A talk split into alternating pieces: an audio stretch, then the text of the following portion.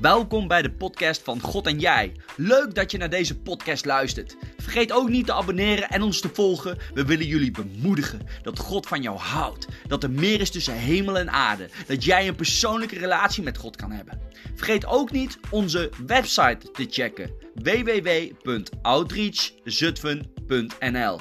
Be blessed in Jesus' name.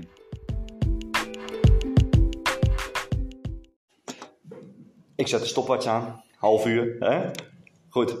Ik wil het vandaag over uh, de, de, de geestelijke wereld hebben. Maar vooral de aspect. Want ik, ik heb dat echt op mijn hart gekregen. Over de geestelijke oorlog die wij voeren. Want het wordt steeds zichtbaarder. Ik heb kauwgom in mijn mond. Dat is niet netjes. Zo. Weg ermee. Nee, maar echt waar. En voordat ik daarmee ga beginnen. Ga ik nog even kort bidden. Goed? Oké. Heer Jezus, dank u wel dat we bij elkaar zijn. En uh, ik ervaar heel veel strijd in onze levens, in veel christelijke levens, in kerken en noem het maar op. Ik geloof dat u spoedig terugkomt, Heer Jezus. En wij, wij, willen, wij willen u dienen, wij willen u honderdvoudig vrucht dienen. En wilt u mij helpen dat ik zal spreken eh, naar, naar hoe de geest het in mij beweegt en niet hoe Edward dat wil brengen. En ik bid ook dat elk hart zacht is. Wilt u een engelenwacht ook omheen zetten, omdat ik geloof dat dit boodschap uh, ja, belangrijk is. In Jezus' naam. Amen. De geestelijke oorlog. Dat is iets wat voor veel mensen zichtbaar is geworden. Vooral in de coronatijd. God gebruikt alles ten goede. Want ik zie zoveel vrucht door tijden die verdrukking zijn. Als mensen ineens, dat is heel typisch, als mensen ineens worden geconfronteerd met hun zwakheid, dat kan ziekte zijn, dat kan burn-out zijn, dat kan depressie zijn, dat kan veel pech in je leven zijn, slecht slapen, noem het maar op. Hè? Dan gaan mensen toch vaak nadenken: hé, hey, ik heb hier geen puff meer, of ik ben dat kwijt, of uh, dat is me afgepakt. En dan gaan mensen ineens nadenken: van, is dit nou het leven? En daar hebben we vaak allemaal, ja, allemaal, veel mensen, ik zelf ook, toch wel last van. Het is toch fijn om een luxe leven te leiden hier op de aarde. Dat is gewoon fijn. Ja, laten we eerlijk zijn. Het is fijn dat je een auto kan rijden, dat je lekker kan eten, dat je eh, gezellig hebt met je gezin, dat iedereen gezond is. Dat is fijn. Maar als er ineens wat weggaat, dan word je even stilgezet. En vaak gebruikt God dat toch ook. Het is natuurlijk niet van God. God is goed, is liefde, er zit geen kwaad in hem, hè, zeg het woord, dat is heel belangrijk. Maar we hebben wel te maken met een tegenstander die ons soms wil doen geloven dat aan God ligt. Een korte inleiding voordat ik echt ga preken. We zien ook veel voorbeelden in de Bijbel. Een van die grote voorbeelden is het boek Job. Toevallig was ik gisteren bij uh, Barry van Oetel. Misschien kennen sommige mensen hem. Is een hele uh, man op leeftijd, al dik in de tachtig. Maar preekt nog steeds. Overal in het land. Vroeger ook eigen gemeente gehad. En het is een goede spreker. En ik heb soms het voorrecht dat ik met hem mag afspreken. Dat hij mij dingen gaat vertellen. Dan zit ik aan zijn oren. Of aan zijn lippen. Dan ben ik met mijn oren bij zijn lippen. Want hij kan zo krachtig, zo goed vertellen, zo bijbel, zo... Ja, hij heeft die zalving. En hij vertelde mij gisteren... Wat gebeurt er nou in het boek Job? Nou, ja. Hij zegt vaak wordt het gebruikt. En dat kan ook gebruikt worden. Dat door strijd... Dat je moet volhouden. Maar Job laat nog iets zien. En dat was... Al valt alles bij hem weg God is goed. En dat is krachtig. Daar geeft Job een voorbeeld in. En hij, hij vertelde mij dat op een gegeven moment Job ook begon te mopperen tegen God. Maar dat hij toch zegt, even in mijn eigen woorden: God, ik heb misschien een meningsverschil nu met jou, maar ik vertrouw toch dat jij mag oordelen. Wauw. Dat is toch bijzonder? Ik hoop ook dat mijn zoon zal zeggen: Ik ben het niet eens met jou, papa. Maar goed, je weet het toch beter dan mij, dus het is toch aan jou om de beslissing te nemen. Eigenlijk zeg je op dat. En alles wordt hem afgenomen? Zijn kinderen. Noem het maar op. Maar wat Job niet weet, is eigenlijk waar het boek Job eigenlijk mee begint. De zonen gods zijn in de hemel, in de, in de onzichtbare rijk. Hè? De hemel is waarschijnlijk een dimensie waar we niet bij kunnen komen. En daar komen de zonen gods bij God de Vader. En op een gegeven moment is die vervelende viezerik, de duivel, die heeft ook nog toegang blijkbaar daar in de hemel en is daar ook. En God schrijft op over de mens Job. Hij zegt, heb je Job gezien? Zo'n goede vent. En als de duivel zo smerig, en als, die, als dat in de Bijbel staat, staat het er niet voor niks. Hè? Dit geldt voor ons allemaal. De duivel zegt, ja, ik snap wel dat het goed met hem gaat. Want hij heeft het goed. Hij is rijk, hij een mooi gezin, noem het maar op. Maar, zegt de duivel, als dat allemaal van hem ontnomen wordt, dan geloof ik niet dat hij nog zo'n goede godsman is hoor, papa God. En wat zegt de vader dan in de hemel? Iets wat je bijna niet verwacht bij zijn karakter eigenlijk. Nou, test hem maar. Nou, de duivel laat zich dat niet twee keer zeggen. Ja.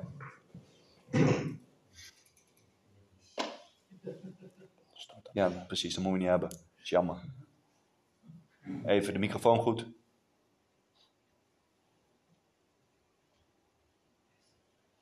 Ja? Oké.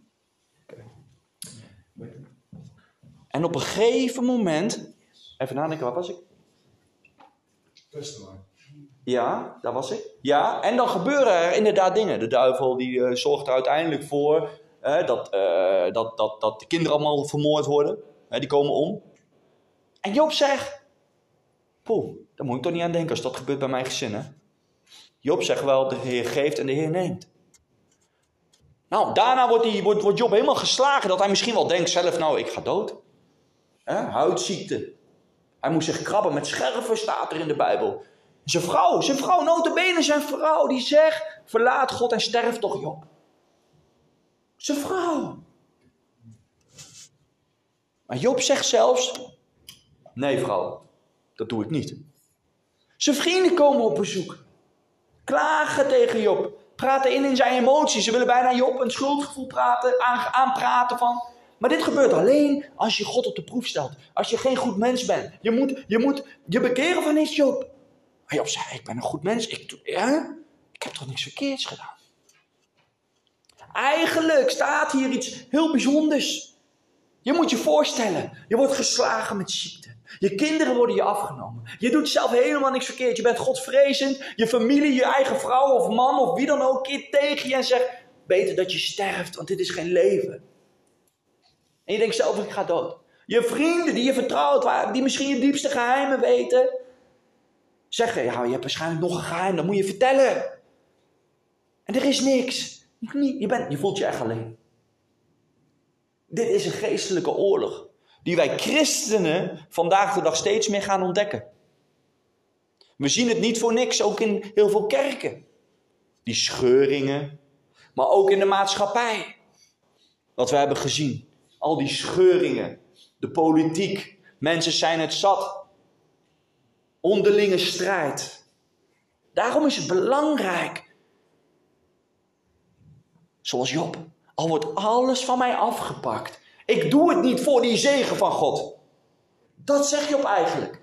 Dat is wat Barry mij gisteren vertelde. En ik kreeg daar eh, gewoon een openbaring in. Ik denk, dit moet ik morgen ook delen. Dit heeft te maken met geestelijk oorlog voeren. We moeten het niet doen voor de zegen van God.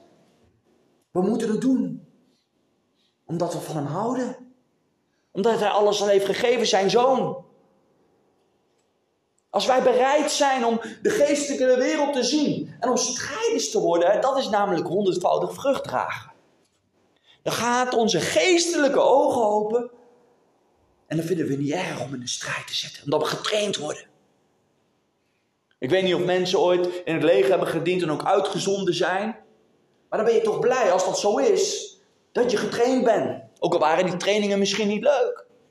Want als je dan de frontlinie bent, dan ben je blij dat je getraind bent.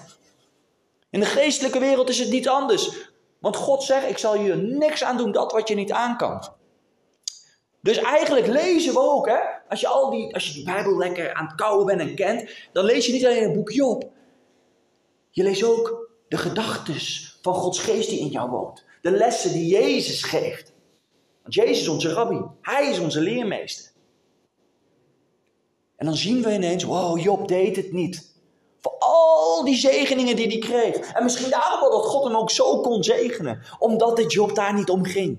Het ging erom dat hij de koning der koningen kende. Dat hij papa God kende. Dat hij wist, het is goed, ik ken de maker. Ik hou van hem. En zelfs toen hij niet meer van hem kon houden, menselijk gezien, kon hij dat toch, omdat hij toch op een of andere manier gedragen werd door het geloof. Omdat hij geestelijk vervuld was.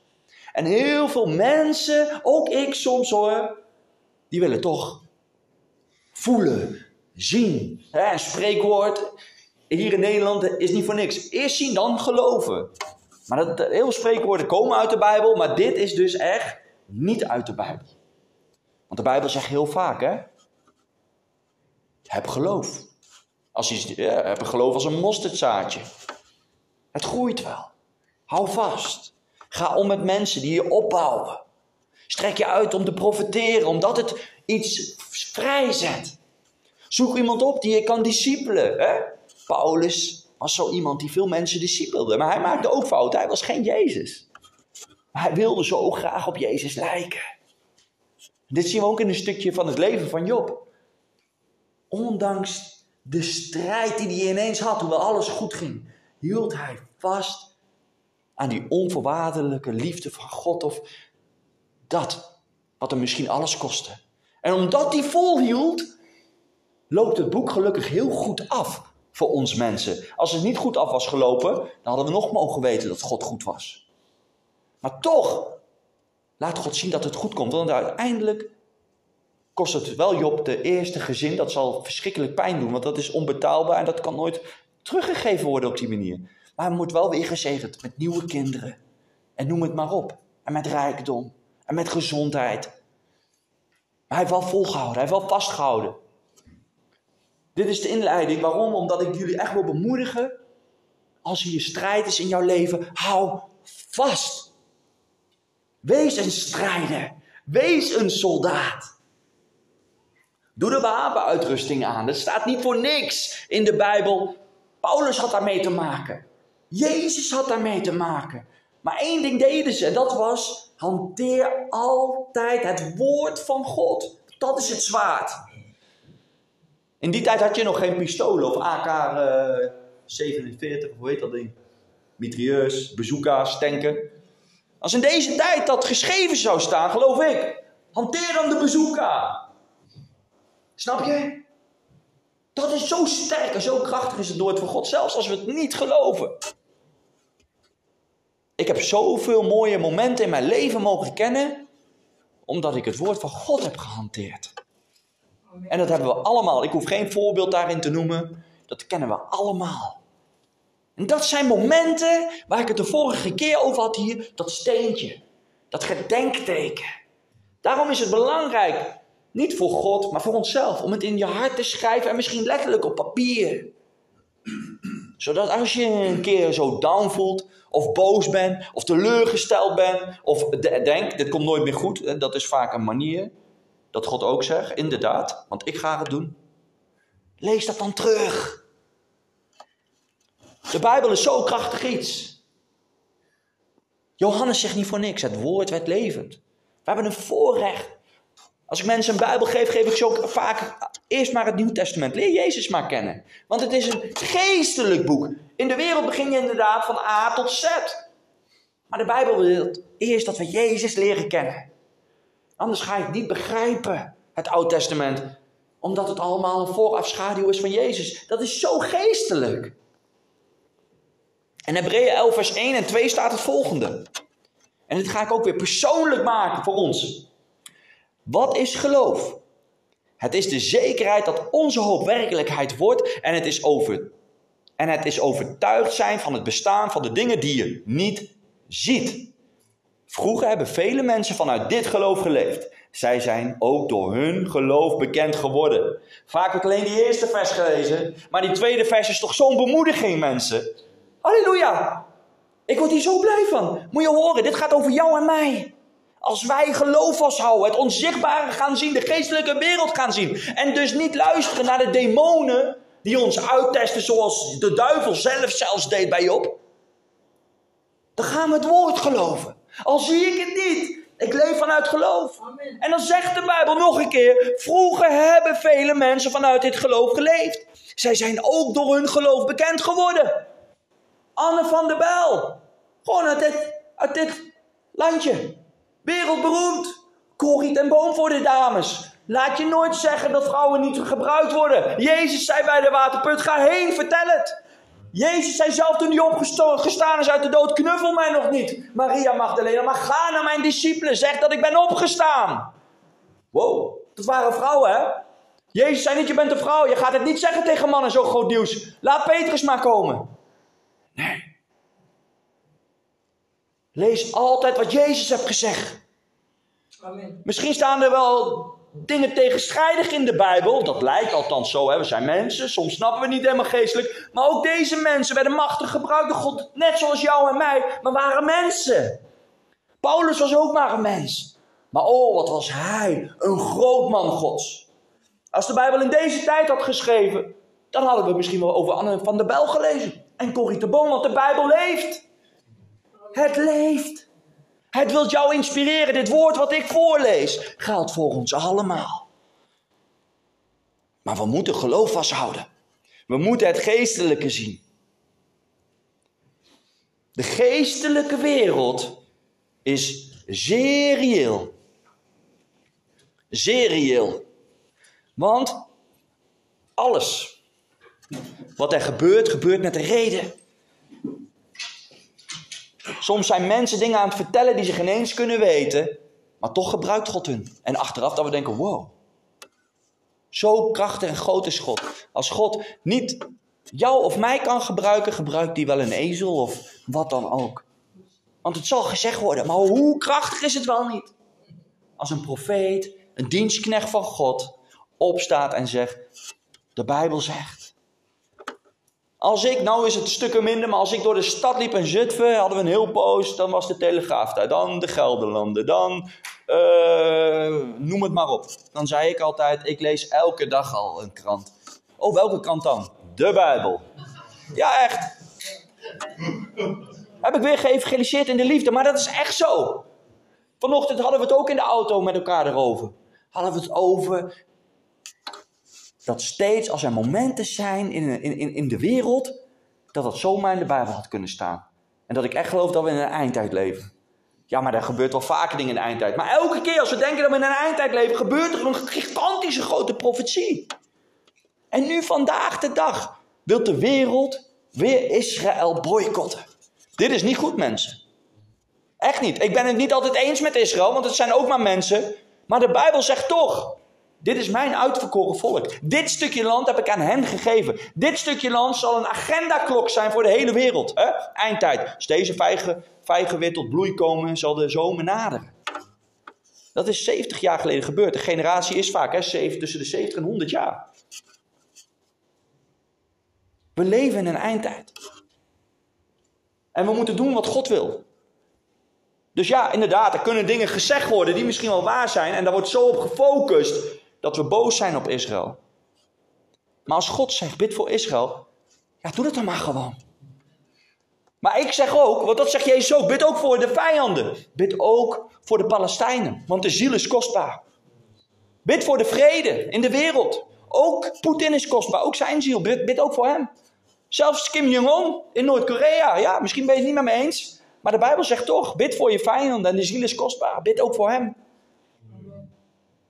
Maar ik geloof echt dat we in een, in een tijd leven waar een versnelling gaat komen.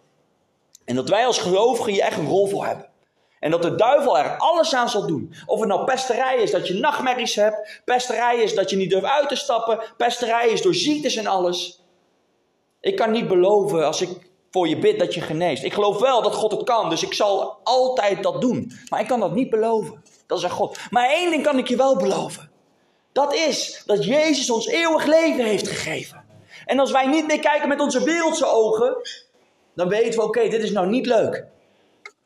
Maar Jezus had het ook niet leuk. Paulus had het ook niet leuk. Job had het ook niet leuk. Maar ik hou vast. Ik hou vast aan de wonden van God, want God kan het zomaar doen. Maar gebeurt het niet, dan ben ik eindelijk thuis. Dat is zo mooi als we geestelijk kijken. Maar de duivel is zo gemeen dat hij je doet denken: God ziet je niet staan. En dat kan hij zelfs doen door je vrienden en door je familie heen. Daarom is het zo belangrijk dat wij dus die relatie hebben met God. Jullie kunnen niet teren op de podcasten van mij of van een preekje van mij. Ik kan niet teren alleen maar op mijn geweldige mentor, geestelijke moeder of vrienden die mij bemoedigen. En eh, de- een jaar later maak ik misschien een foutje en, en, en ben ik niks meer. Zo zijn wij mensen. We moeten bidden voor elkaar. We moeten Gods woord toetsen. Elke spreker maakt fouten, want er zit ook een stukje vlees in. Zelfs Paulus maakte fouten. Petrus maakte fouten toen hij weer aan tafel zat bij de Joden en terechtgesteld werd. En daar moeten we open voor staan. Dan worden we goede soldaten. Af en toe hebben we een correctietikje nodig, toch? Ja. Johannes 17, vers 1 tot 11, daar laat Jezus eigenlijk zien hoe belangrijk het is om een relatie te hebben met God. Want ik ga alleen maar de eerste 11 versen lezen, dat vind ik al meer dan genoeg. Maar dat wil ik wel voorlezen, want het hoogpriestelijk gebed is eigenlijk dat wij iets lezen. We lezen vaak, Jezus gaat in het donker, een stille tijd en gaat bidden, toch? Tot de Vader. Met het hoogpriestelijk gebed lezen we wat Jezus bidt.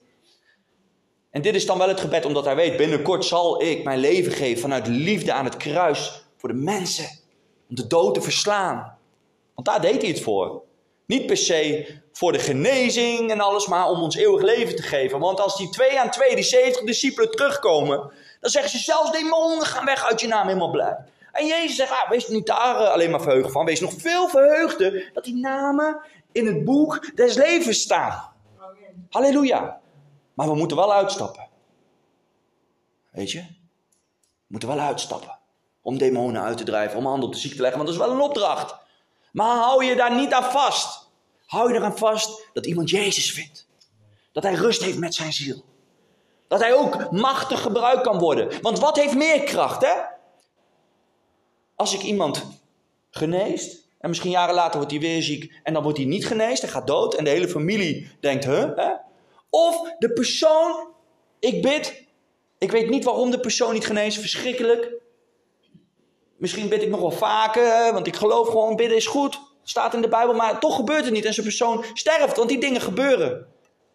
En dat de persoon zegt, ik ben niet genezen, waar bent u God? Of zeg, ik weet niet of God me geneest. Hij kan het, ik weet het niet, maar ik ben straks thuis.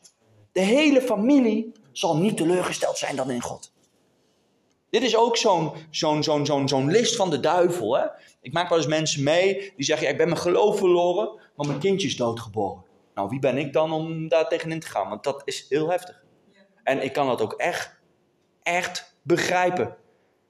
Maar dat is niet van God. God zal dat nooit doen. God zal nooit ook een kind oordelen. Een kind is puur. Een kind komt meteen de hemel in.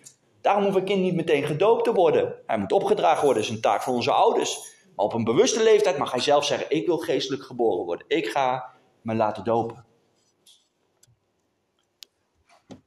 En mensen raken soms hun geloof kwijt, omdat niet Jezus op de eerste plek staat, maar de genezing.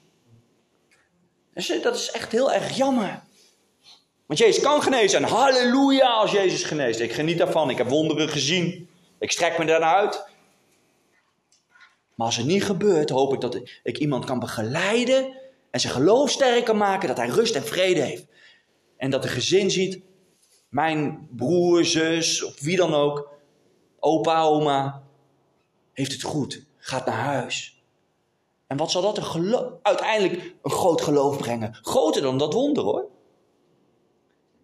Geestelijk gezien. Mijn opa die stierf op een gegeven moment en dat was heel gek. Is al bijna vijf jaar geleden nu. Ik zal het nooit vergeten. We zouden de tweede kerstdag thuis eh, eh, of, eh, bij mijn vader kerst vieren. En mijn opa en oma zouden daar ook zijn. Eerste kerstdag s'avonds krijg ik een telefoontje van mijn vader. Hey, eh, je, je moet niet schrikken, kleinigheidje. Opa is gevallen, heup gebroken, dus hij is er morgen niet bij. Oma wel, maar eh, maak je niet druk. Ja, oude man kan gebeuren in de 80, uitgegleden heup gebroken. Ja, verschrikkelijk, maar goed, ziekenhuis. Nou, wij vieren daar gewoon kerst. Oma was er niet, die was toch bij opa en zo, logisch. En eh, een dag later krijg ik een telefoontje van mijn vader. Mijn vader zegt niet schrikken. Ik zeg, wat is er dan? Ja, de artsen hebben iets ontdekt. Ze gaan hem ook niet meer opereren aan de heup. Hij is helemaal verkankerd. Bam. Nou, ik nam natuurlijk meteen naar mijn opa toe.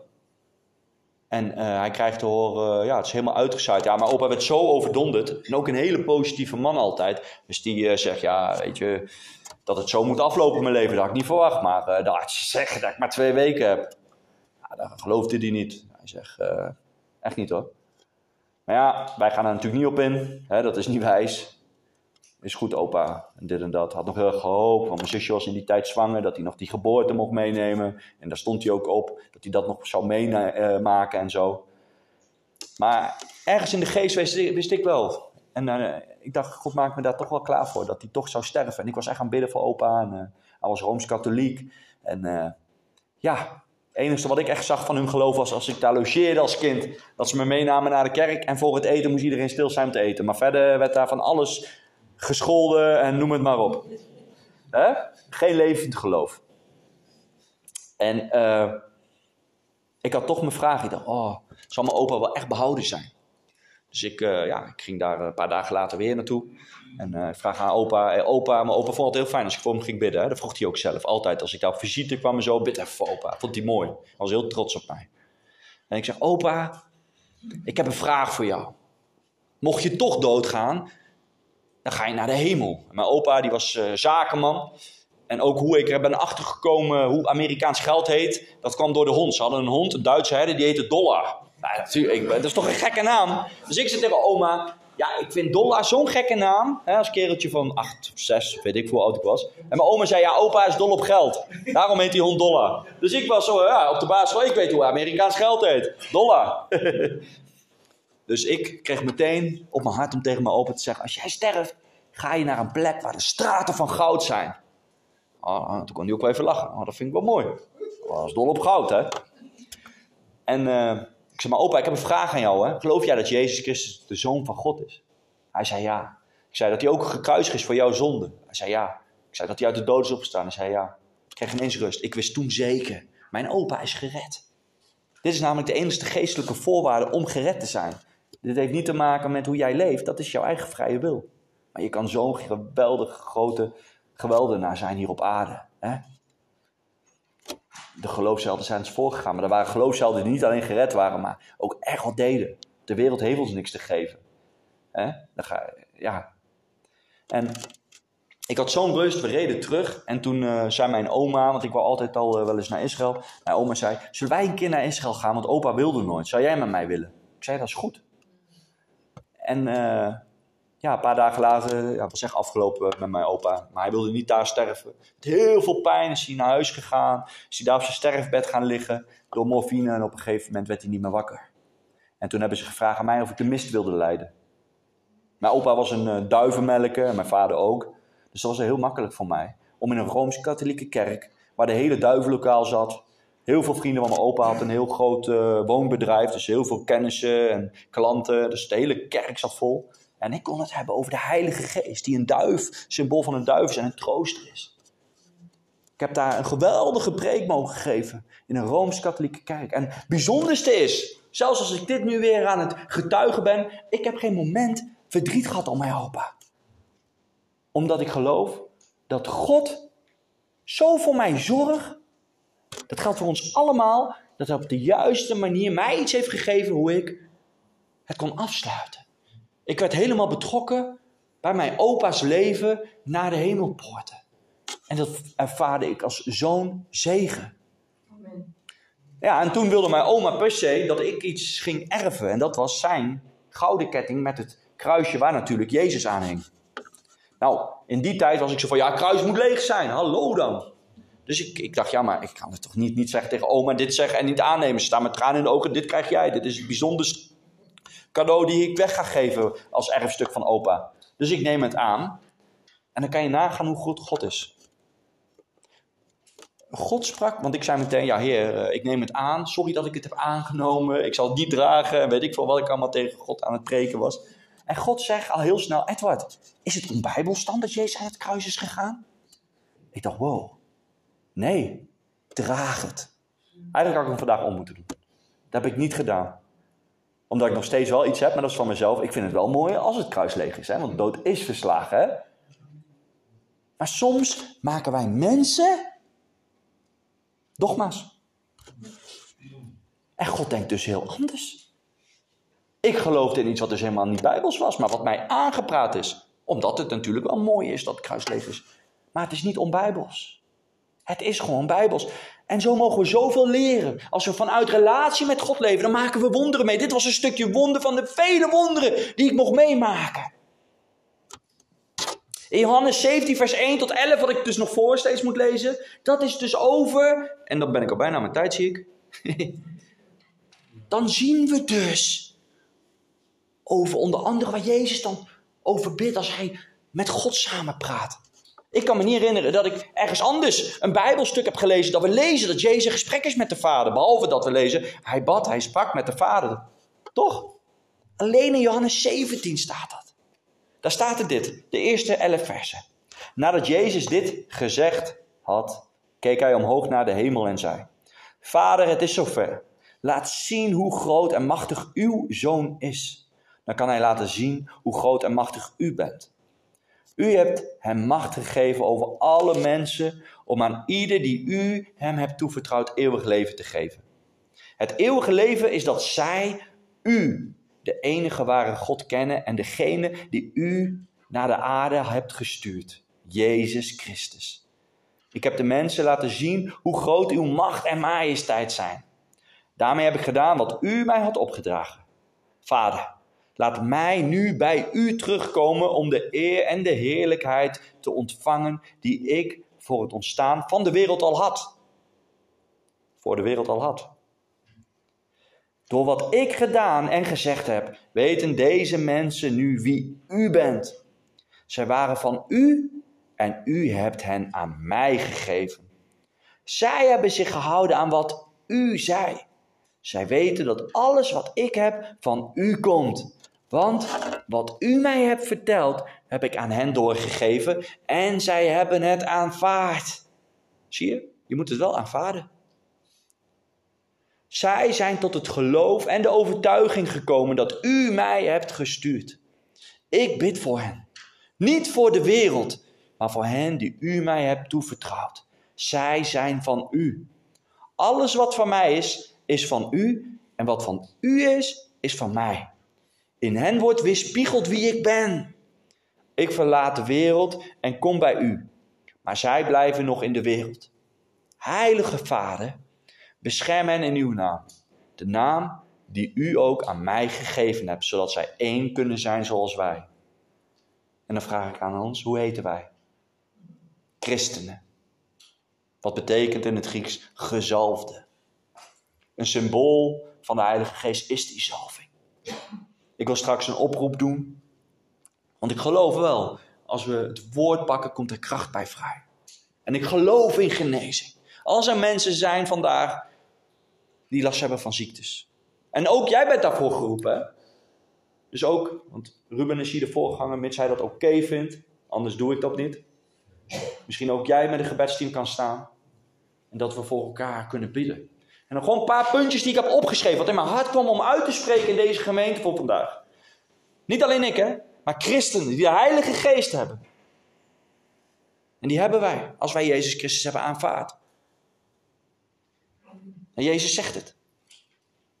Wat kunnen we onder andere allemaal doen?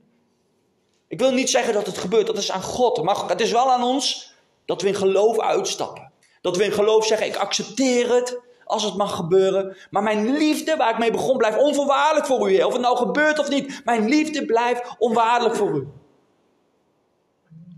Uitdrijven van ziektes, ben ik en ben jij voor geroepen. Uitdrijving van demonen, ben ik, ben jij voor geroepen. Vanuit het woord. Paulus zegt niet voor niks in 1 Korinthe hoofdstuk 14. Strek je naar elke gave van de geest.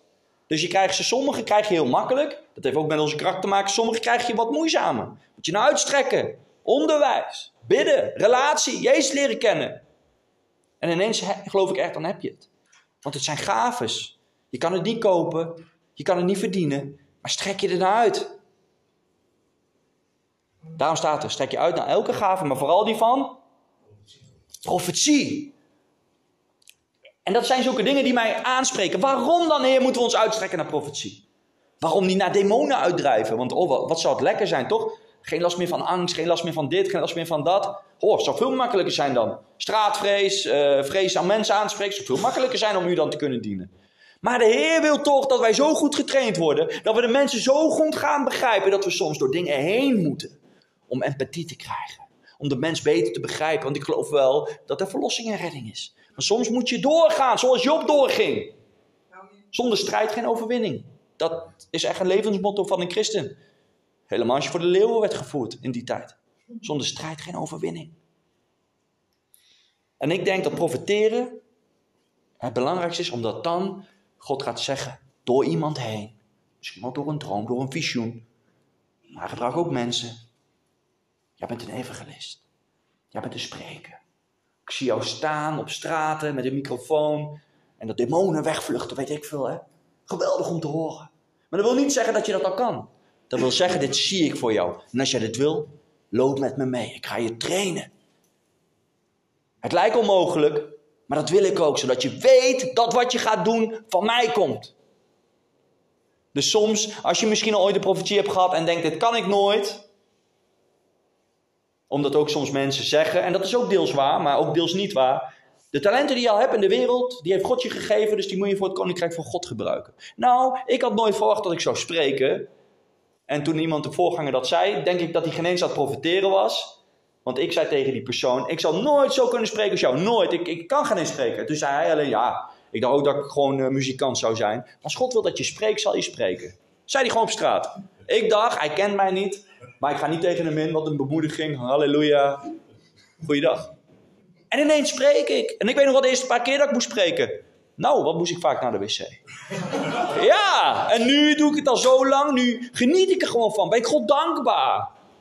En dat wil niet zeggen dat ik meteen goed was hoor. Maar het is vasthouden aan die belofte. Doorgaan. Dus ook soms als jij geen talent hebt, misschien doet God wel dan juist jou daarin machtig gebruiken. En weet je waarom? Omdat wat bij de mensen mogelijk is, mogelijk bij God. Oké. Dus ook elke leugen, omdat je geen talent voor iets hebt, verbreek ik nu in de naam van Jezus. Daarom gebruik ik deze getuigenissen. Want getuigenissen hebben kracht. Ik had met Maurice net over bij de boekentafel. Dat soms is het niet goed om van een preker te lezen. Omdat hij dan dingen vertelt hoe dat bij hem werkt. Hoeft niet altijd bij jou te werken. Heel veel kan wel goed voor je zijn. Maar sommige dingen niet. En als je dat dan ook als waarheid voor jezelf gaat zien. Dan kan je teleurgesteld raken. Zo hadden we gewoon een gesprekje. Hè? Ik zeg ook niet of ik uh, gelijk heb, maar we hadden zo'n gesprekje. En toen zei ik tegen Maurice, maar wat ik wel mooi vind, zijn boeken van Corrie de Boom. Of van David Wilkerson. Of van Nicky Cruz, die echt iets hebben doorleefd, die hun getuigenis vertellen. Daar mijn geloof zo door opgebouwd. En daarom zijn getuigenissen ook belangrijk. Dat wat ik heb meegemaakt, ja, dat maak jij waarschijnlijk niet mee. Maar dat wat jij hebt meegemaakt, maak ik niet mee. Maar hoe mooi is het om elkaar in vuur en vlam te zetten als kerk? Om elkaar uit te dagen. Om ziektes uit te drijven. Om demonen uit te drijven. Om uit te strekken naar de gaafs, maar vooral die van profiteren. Om elkaar vrij te zetten. Om te laten zien, jij mag er zijn, God heeft een doel voor u. Ik zie een oudere man, ook God heeft nog steeds een doel voor u, want ook dat staat niet voor niks in de Bijbel. Mozes was ook pas 80 toen zijn grote bediening begon, hè?